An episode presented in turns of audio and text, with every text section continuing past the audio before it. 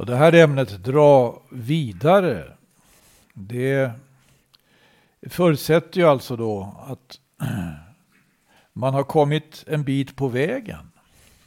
Man har kommit en bit redan. Och så går man och så ska man gå vidare då. Eh, och det här är ju ett ord som vi har i Filipperbrevet. Just Filipperbrevets tredje kapitel och vers 16. Dock, så vitt vi redan har hunnit något framåt, så låt oss vandra vidare på samma väg. Så vitt vi redan har, så vitt. Och det är ju alltså inte självklart det. Har vi redan hunnit något framåt, ja men då ska vi eh, gå vidare på samma väg. Vi kan ju titta på det här när vi läser om Bibelns hjältar. Hur de kunde i olika situationer erfara det här. Det var kanske lite avlägset för de första människorna att tänka att de skulle dra vidare någonstans. De hade blivit utdrivna ur Edens lustgård. Och det var väl deras enda längtan och, och, och strävan att komma tillbaka dit. Att gå vidare kanske det fanns inte liksom på kartan. Och vi läser om världens första tid i Bibeln, hur den beskrivs i Bibeln, som alltså en tid som blev allt svårare och allt trängre och uppfylldes av våld, står det. Så att eh, eh det var nödvändigt att eh, Gud sände floden. Det står om floden, den stora floden. Men det står också att Gud utvalde Noa. Och han eh, fick eh, på Guds uppdrag då bygga en ark. Det här är de första kapitlen i Bibeln som beskriver den här situationen. Däremot så kommer ju det här uttrycket bestämt då när vi läser om Israels barn och hur de eh, bröt upp från Egypten. Och de hade redan varit med om en hel del faktiskt. De hade tillbringat över 400 år i Egypten. Och det var tid att bryta upp. Och eh, det blev så pass det här eh, Eh, det blev så pass alltså kritiskt eh, som andra Moseboks 14 kapitel beskriver att de kom, hela folket kom ut. När Gud hade låtit tio plågor gå fram över Egyptens land. Från alltså att det bara var flugor och myggor i kopiösa mängder till dess att det blev riktigt hårt, står det, hagel föll blandat med blod. Det står inte i Andra Mosebok, men det står i Uppenbarelseboken. En straffdom alltså. Som eh, enligt Bibeln inte är begränsad egentligen då till den här tiden. Men så, så kommer också det här hårda slaget då Gud slår. Gud låter mordängen gå fram. Och, eh, och slår de förstfödda i Egypten. Alla förstfödda. Eh, vilken oerhörd förlust. Tänka sig bara, kan man föreställa sig att alla förstfödda dör i ett land? Både människor och djur. Det måste ju, alltså det här var ju en sån en oerhörd katastrof. Och det innebar alltså att egyptierna blev fullständigt panikslagna. Och de drev ut Israel ur Egypten. De riktigt såg till alltså. Då, då, ni får inte stanna kvar, ni kan inte stanna kvar här. Men de fick också, de gav dem gåvor. Det står de gav dem ju väldigt mycket eh, saker, guld, silver och sånt. För, och, för att de skulle ha något med sig då de gick och då skynda härifrån. Och de gick ut och de kom till Röda havet. Men då ångrade sig farao, som han hade gjort så många gånger tidigare. Farao ångrade sig och tänkte, vad illa det här. Att vi släppte Israels folk. Och han satte efter dem. Det står om det här i Andra Mosebok. I, ifrån början kan vi läsa kanske lite. Det står så här, jag kan läsa från femte versen. Andra Moseboks fjortonde kapitel och femte vers. Då man nu berättade för konungen i Egypten att folket hade flytt förvandlades faraos och hans tjänares hjärtan mot folket och det sa Hur illa gjorde vi inte när vi släppte Israel så att det nu inte mer ska tjäna oss. Och han lät spänna för sina vagnar och tog sitt folk med sig. Han tog 600 utvalda vagnar och alla vagnar som eljest fanns i Egypten och kämpar på dem alla.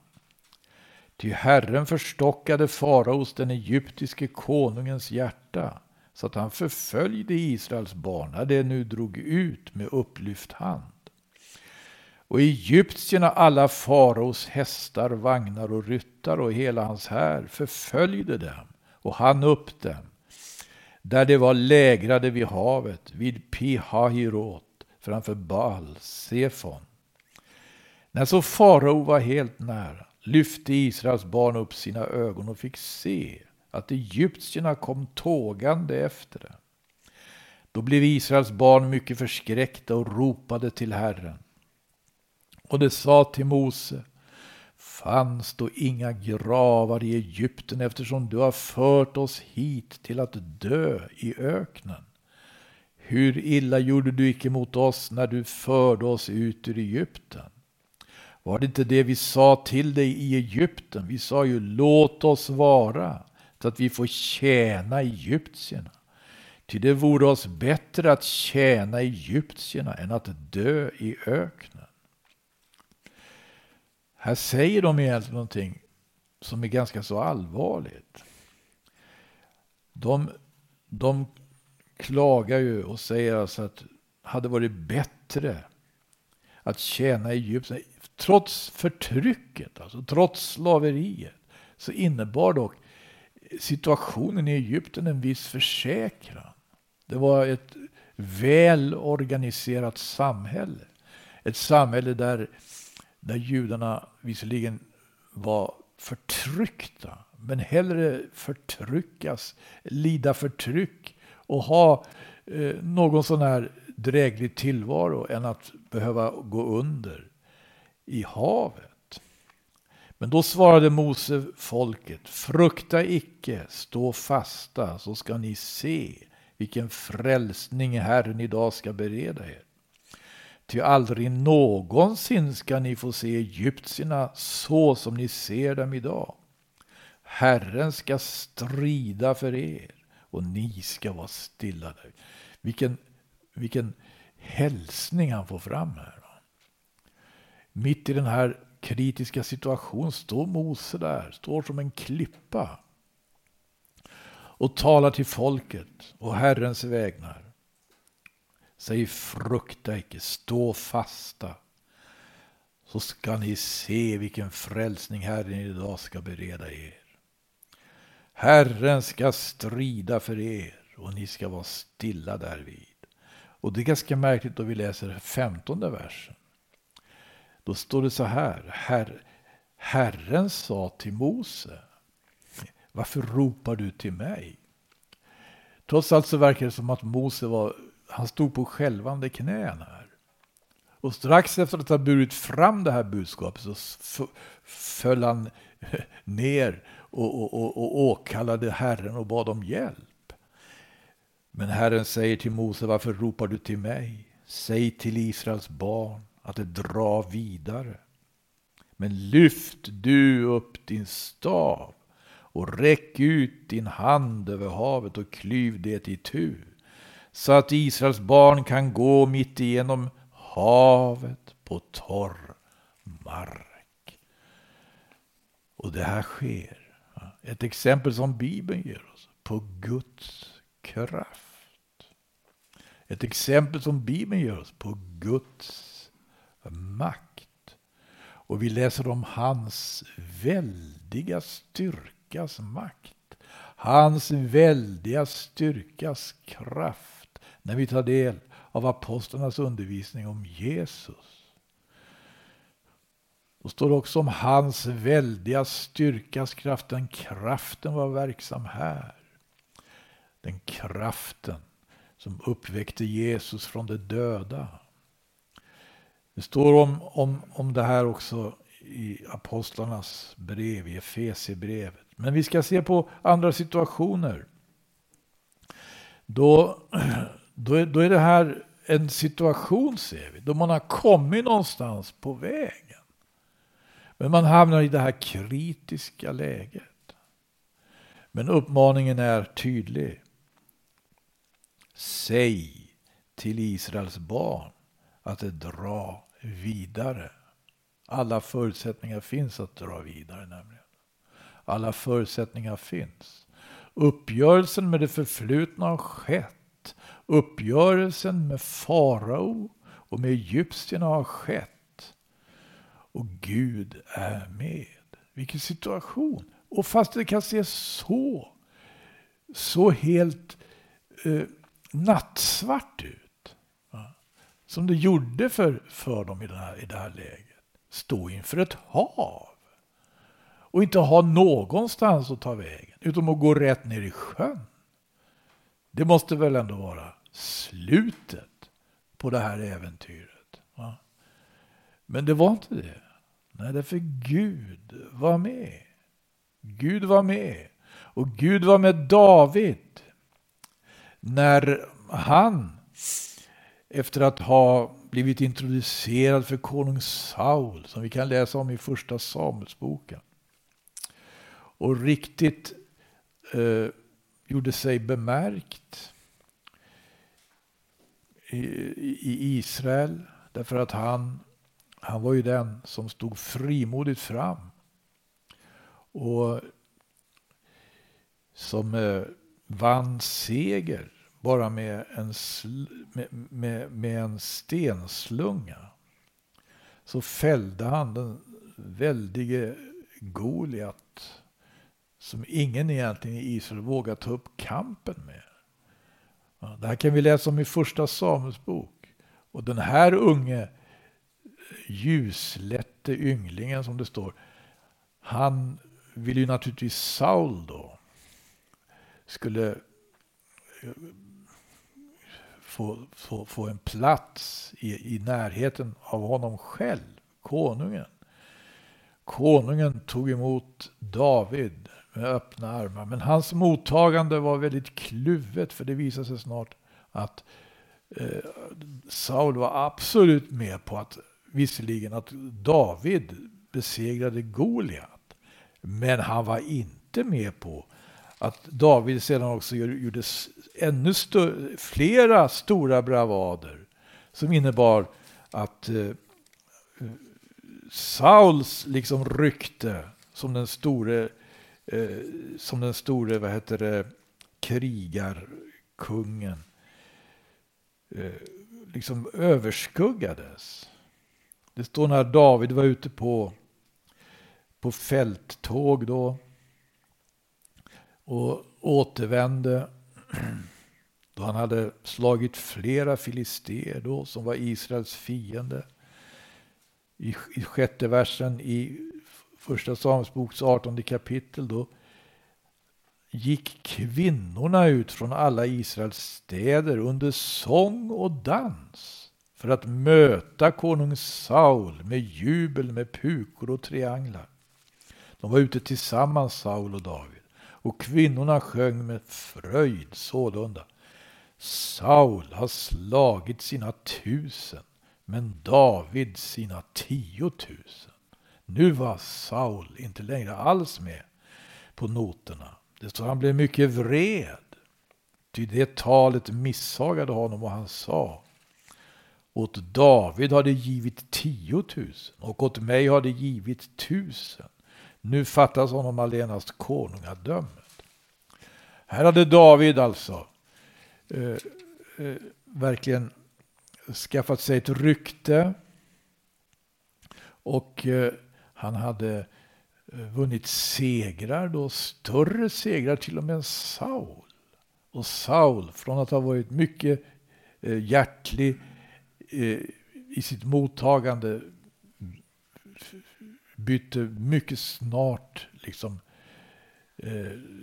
ändrade hela sin, förändrades i förhållande till David. Och den förändringen blev ju ödesdiger. Och det ledde till att David så småningom måste fly. Eh, vi ska titta på det lite mer. Men jag vill också ta med ett ord ifrån Markus evangeliet.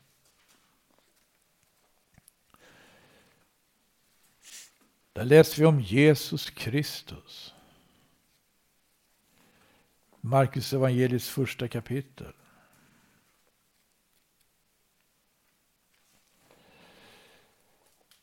Hur han var verksam. Det står så här, bland annat. Markus evangeliums första kapitel, 32 vers. Efter en, efter en dag med mycket eh, som hade skett, då Jesus började sin verksamhet, så heter det så här.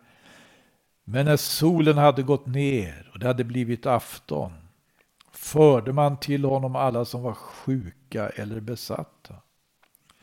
Och hela staden var församlad utanför dörren. Och han botade många som led av olika slags sjukdomar.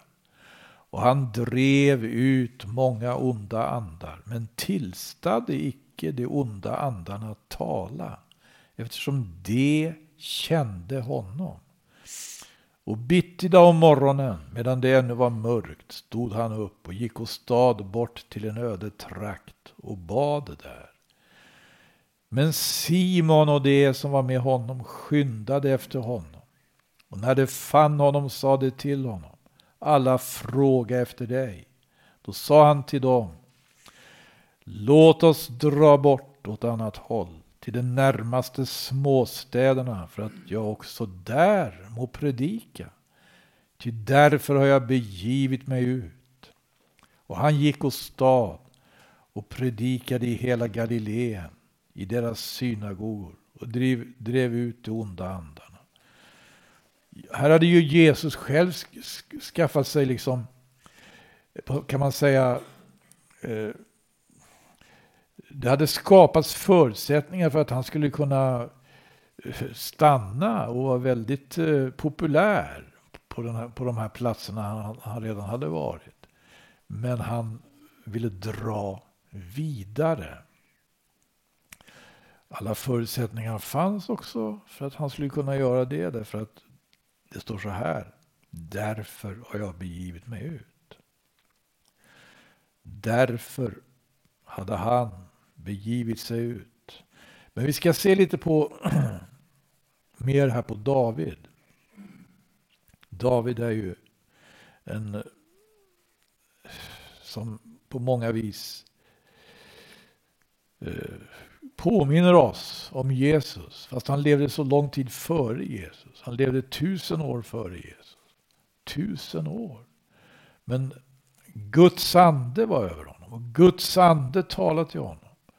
Och Guds ande gav honom så många salmer och sånger där han profetiskt förutsäger eh, att eh, den smorde ska komma. Den smorde. Herrens smorde var ett väldigt etablerat begrepp i Israel. Eh, och är det till, in till denna dag. Och just omkring det här begreppet så, så var det ju en strid i Davids tid. Därför att eh, konungen i Israel, han var ju Herrens smorde. Och det var Saul det. Saul som konung hade blivit smord av Gud eller av Guds tjänare Samuel. Guds profet. Han hade smort konung Saul och konung Saul hade blivit konung. Han var Herrens smorde. Och kring det här begreppet står det en väldig strid.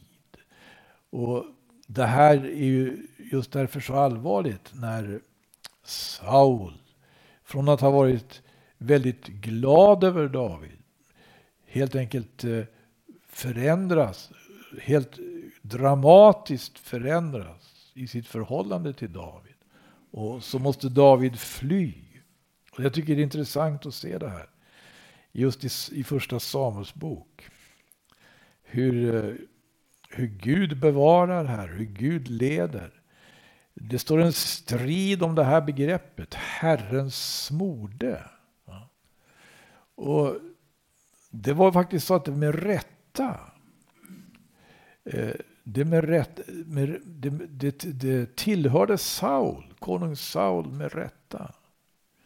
Men han, genom att han liksom eh, kom under inflytande, han blev, han blev svartsjuk.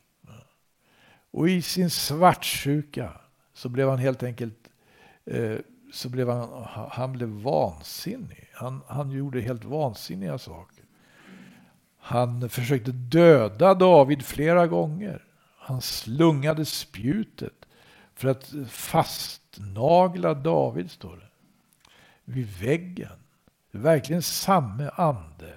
Samme ande, samme antikristliga ande som kommer så småningom att göra att Jesus Kristus blir korsfäst.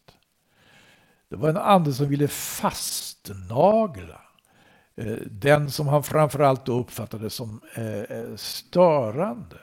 Han ville fastnagla David vid väggen. Och David måste fly. Och det är ganska, ganska intressant tycker jag att se hur det här... Därför att det var så här. När David föll i onåd så var det en i det här hovet och Sauls, konung Sauls hus, konung Sauls och hov. Som var väldigt fäst vid David och det var Jonatan. Jonatan var Davids son, eh, Sauls son. Jonatan var Sauls son och han var väldigt fäst vid David.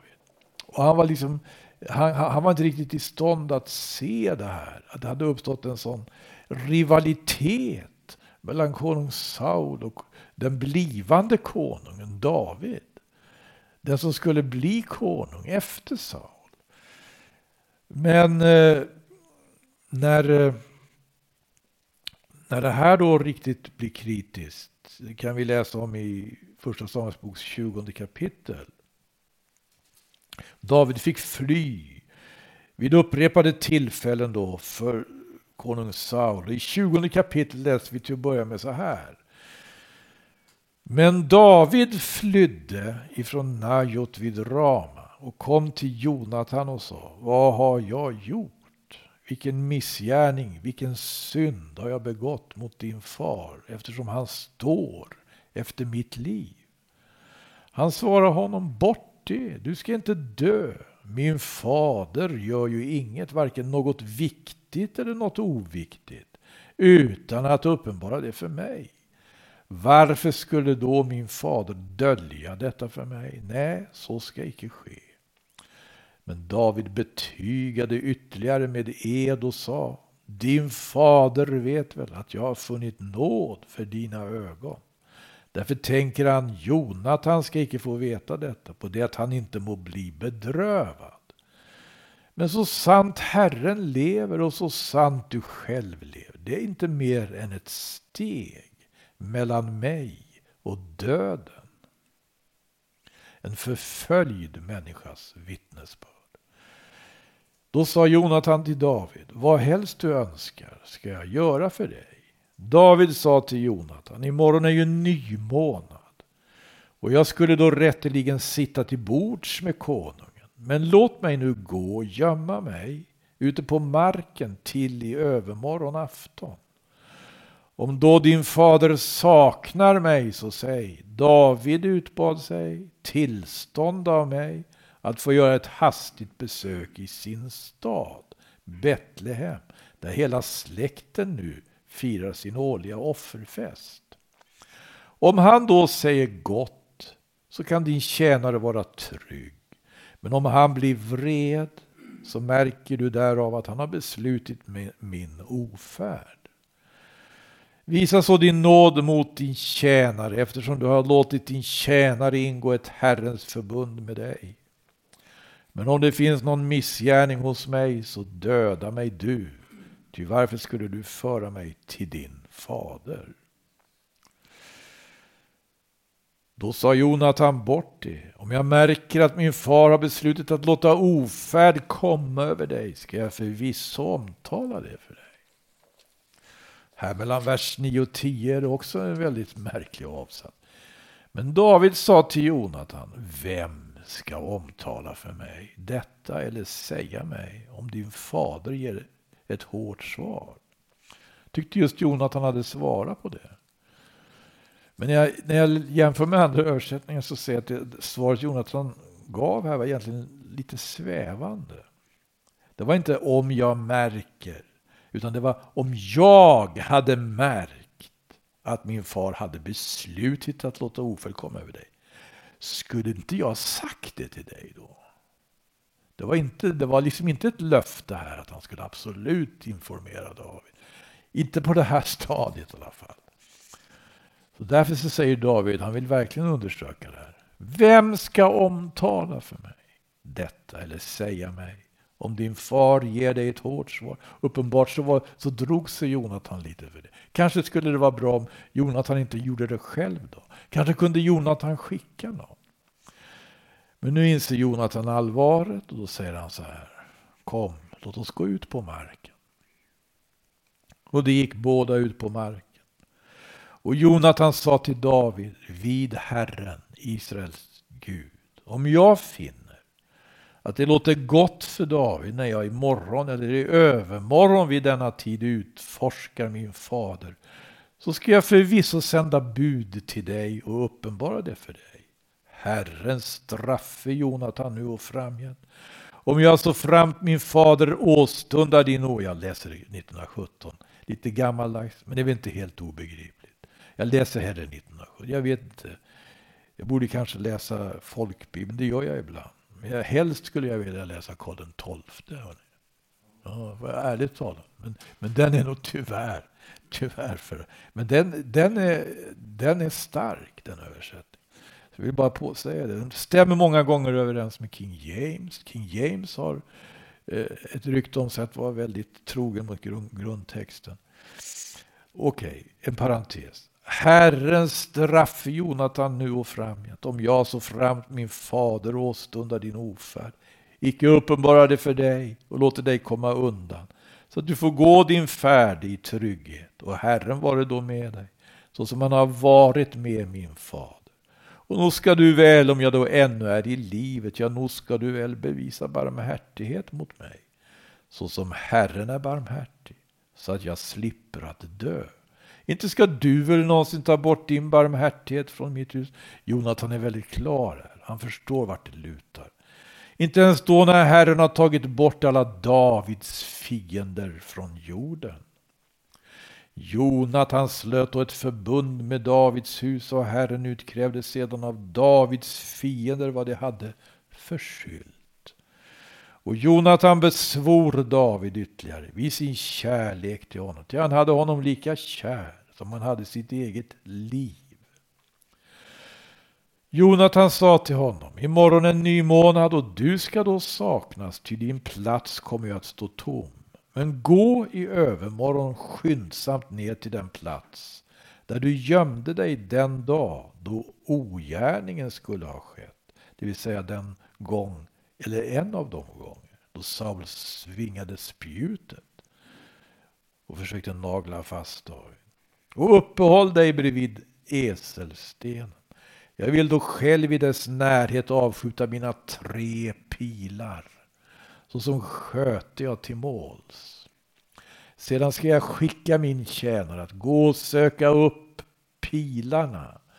Om jag då säger till tjänaren, se pilarna ligger bakom dig närmare hitåt, så tar du upp dem och kom fram, till då kan du vara trygg och ingenting är på färd, så sant Herren lever. Men om jag säger så till den unge mannen, se pilarna ligger framför dig, längre bort, så gå dina färder, då, då sänder Herren dig bort. Och i fråga om det som jag och du nu har talat är Herren vittne mellan mig och dig till evig tid. Här skulle alltså, här är deras överenskommelse. David skulle gömma sig, skulle inte synas. Och Jonathan skulle undersöka då hur Saul egentligen, hur det förhöll sig med konung Saul och hur hans inställning egentligen var till David. Om det visar sig att konungen faktiskt var riktigt eh, mordisk ja då skulle han på det här viset underrätta David om det. Om konungen däremot inte liksom röjde några sådana känslor, ja då skulle också det fram. På det viset att han kom och sköt tre pilar. Han hade med sig en, en, en, en grabb där. Och han sköt de här pilarna och sa till grabben, spring och ta, ta och hämta de här pilarna. Och grabben sprang och då så ropar Jonathan antingen närmare hitåt. Och då skulle David kunna stå upp och ta pilarna själv. Eller längre bort. Och då skulle David förstå tid att fly. Mm. Här var en kritisk situation. Och det var frågan om David skulle stanna kvar. Eller om han skulle dra vidare. Och faktiskt, bli, eh, ta initiativet till ett eh, förnyat konungadöme i Israel. Istället för Sauls konungadöme. Ett konungadöme där David satt på tronen. Vi, vi läser om det här konungadömet senare i Andra Samuelsboken. Det var ju så det blev. Vi ska läsa hur det här gick då. Hur gick det? 24 versen. David gömde sig ute på marken och när nymånaden var inne satt konungen sig till bords för att äta. Konungen satte sig på sin vanliga sittplats, platsen vid väggen. Och Jonathan stod upp och Abner satte sig vid Sauls sida. Men Davids plats stod tom. Saul sa dock intet den dagen, ty han tänkte, något har hänt honom. Han är nog inte ren, säkerligen är han icke ren. Men när Davids plats stod tom också dagen efter nymånadsdagen, dagen därefter sa Saul till sin son Jonathan, varför har Isais son varken igår eller idag kommit till måltiden? Jonathan svarade Saul, David utbad sig tillstånd av mig att få gå till Betlehem. Han sa låt mig gå, vi firar en släktoffersfest i staden och min broder har själv bjudit mig att komma. Om jag har funnit nåd för dina ögon så låt mig nu slippa härifrån för att besöka mina bröder. Därför har han icke kommit till konungens bord. Då upptändes Sauls vred. Vad hade Saul i hjärtat här? Då upptändes Sauls vrede mot Jonathan. Och han sa till honom, du son till en otuktig kvinna. Visste jag då inte att du hade funnit behag i Isais son till skam för dig själv och till skam för din moders blyg. Till så länge Isais son lever på jorden är varken du eller din konungamakt säker. Det här är ett ord, hörni. Hörni, så länge Isais son lever på jorden, så länge är varken du eller din konungamakt säker, säger Saul här till Jonathan. Sänd därför nu åstad och låt hämta honom hit till mig, ty han är dödens barn. Jonathan svarade sin fader Saul och sa till honom, varför ska han dödas? Vad har han gjort? Då svängde Saul spjutet mot honom, sin egen son för att genomborra honom. Och nu märkte Jonathan att hans fader hade beslutat att döda David. Och Jonatan stod upp från bordet i vredesmod och åt intet på den andra nymånadsdagen. Ty han var bedrövad för Davids skull därför att hans far hade gjort sån orätt mot den. Och så får han gå då med den här grabben med pilbågen och pilarna och skjuter en pil. Mm. I alla fall. Och säger till grabben spring och hämta den. Och grabben springer. Och så längre bort. Du måste springa längre bort. Skynda! Och då förstår, förstår också David som gömmer sig vad som står på färd. Det här, eh, det här att dra vidare, det är ju eh, oerhört egentligen. Ska vi säga. Det är en mycket, det är en mycket allvarlig andlig fråga. Vi ser hur det var för Israels barn i Egypten. Hur, hur de i ett väl organiserat samhälle, trots allt när de ställdes inför sådana utmaningar som det innebar att ställas inför själva havet. Och, och, och ha ingenstans att ta vägen. Därför faraos här kommer eh, i fyrsprång. Då tycker de, nej, det är nog bättre att leva, trots allt förtryck och allt, i ett samhälle av den karaktären som i alla fall erbjuder någonting, än att gå rätt ner i sjön. Va? Men, men de såg inte hela bilden. För David här, han hade ju kunnat, han hade ju på sätt och vis, han hade blivit etablerad i konungens hus i Israel.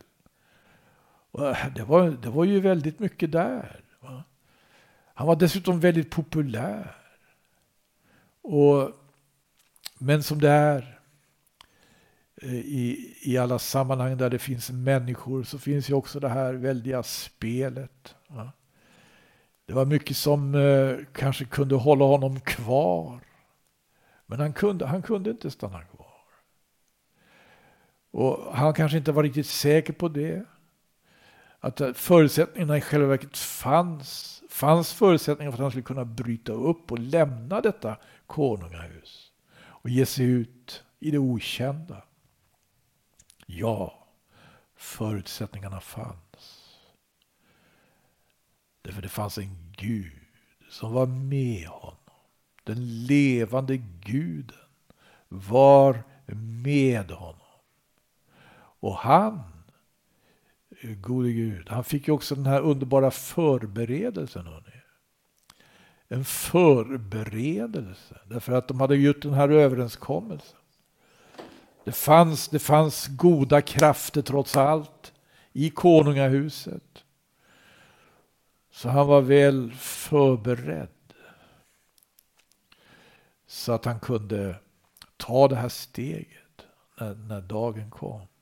Nu, nu, nu, nu tänker jag på Jesus här. Jesus säger vid något tillfälle, och jag tycker det är så här, Jag har nu sagt er det förut. Vet ni vad han säger det någonstans? Jag har nu sagt er det förut. Det är när han undervisar lärjungarna på Oljeberget om ändens tid. Och vad betyder det? Vad ligger i den? Det ligger väldigt mycket i den meningen. Jag har nu sagt er det förut. Det betyder att de var förberedda, eller borde vara det. De var förberedda, eller borde vara det. De var förberedda av Jesus själv. Det borde ha satt sig så hos dem. Denna förberedelse. Att trots allt som skulle kunna hålla dem kvar i Jerusalem. Det var ju väldigt mycket som skulle kunna hålla dem kvar i Jerusalem. Så drog de åstad när tiden kom. De drog åstad. De var redo att bryta upp. Eh, dra vidare. Det, det har att göra med det här, har det inte? Eh, vilka förutsättningar? Har vi kommit någonstans? Har vi gjort alla uppgörelser som vi borde göra? Har vi förutsättningarna att dra vidare? När vi ser på oss själva, vi ser på människor, vi ser på oss, då kan vi tycka alltså att det finns inga förutsättningar. Det finns inga förutsättningar. Men, men vad sitter vi fast i? Och är det något vi sitter fast i får vi naturligtvis ta itu med det. Då, då måste vi ta itu med det. Men är, men, men är Herren med, då finns förutsättningarna. Är Herren med? Och faktiskt, vi har ju det här. Också som Jesus har sagt, har han inte? Jag ser, jag är med er. Alla dagar. In till tidens ände. Det här överenskommelsen mellan Jonathan och David, de här pilarna. Jag tycker det handlar om, om just det här. Vi har också hört av Jesus. Det finns förutsättningar. Det finns förutsättningar. Vi har också att göra med, alltså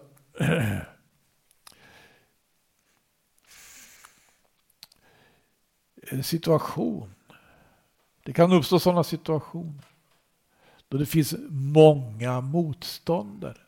Aposteln Paulus hamnar ju precis i den situationen. Det, var, det fanns, hur uttrycker han det här?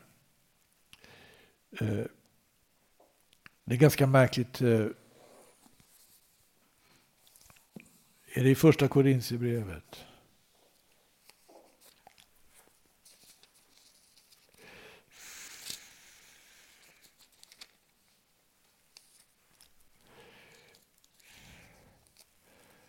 Eller är det i Romarbrevet, det här uttrycket?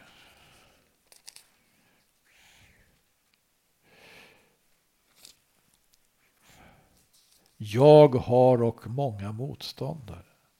En dörr till stor och fruktbärande verksamhet har öppnats för mig, står det. Jag har och många motståndare. Det är om det inte är någonstans i Romarbrevet eller Korinthierbrevet. Ni, ni som har läst det, ni vet att det står någonstans i något av aposteln Paulus brev. En dörr till stor och fruktbärande verksamhet har öppnat sig. Jag har och många motstånd.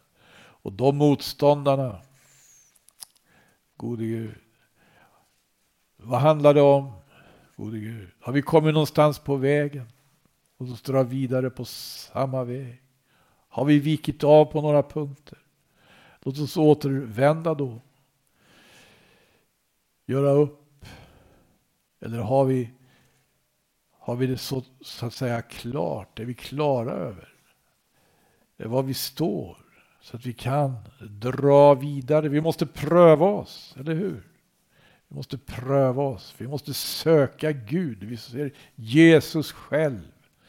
Han var tidigt uppe och gick avsides för att bedja.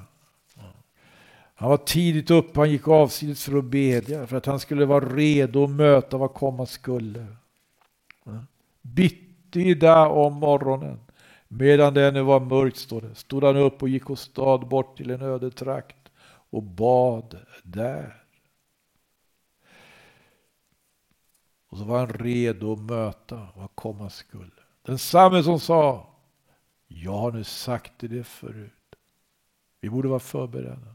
Men vi skulle inte vara förberedda på något felaktigt sätt.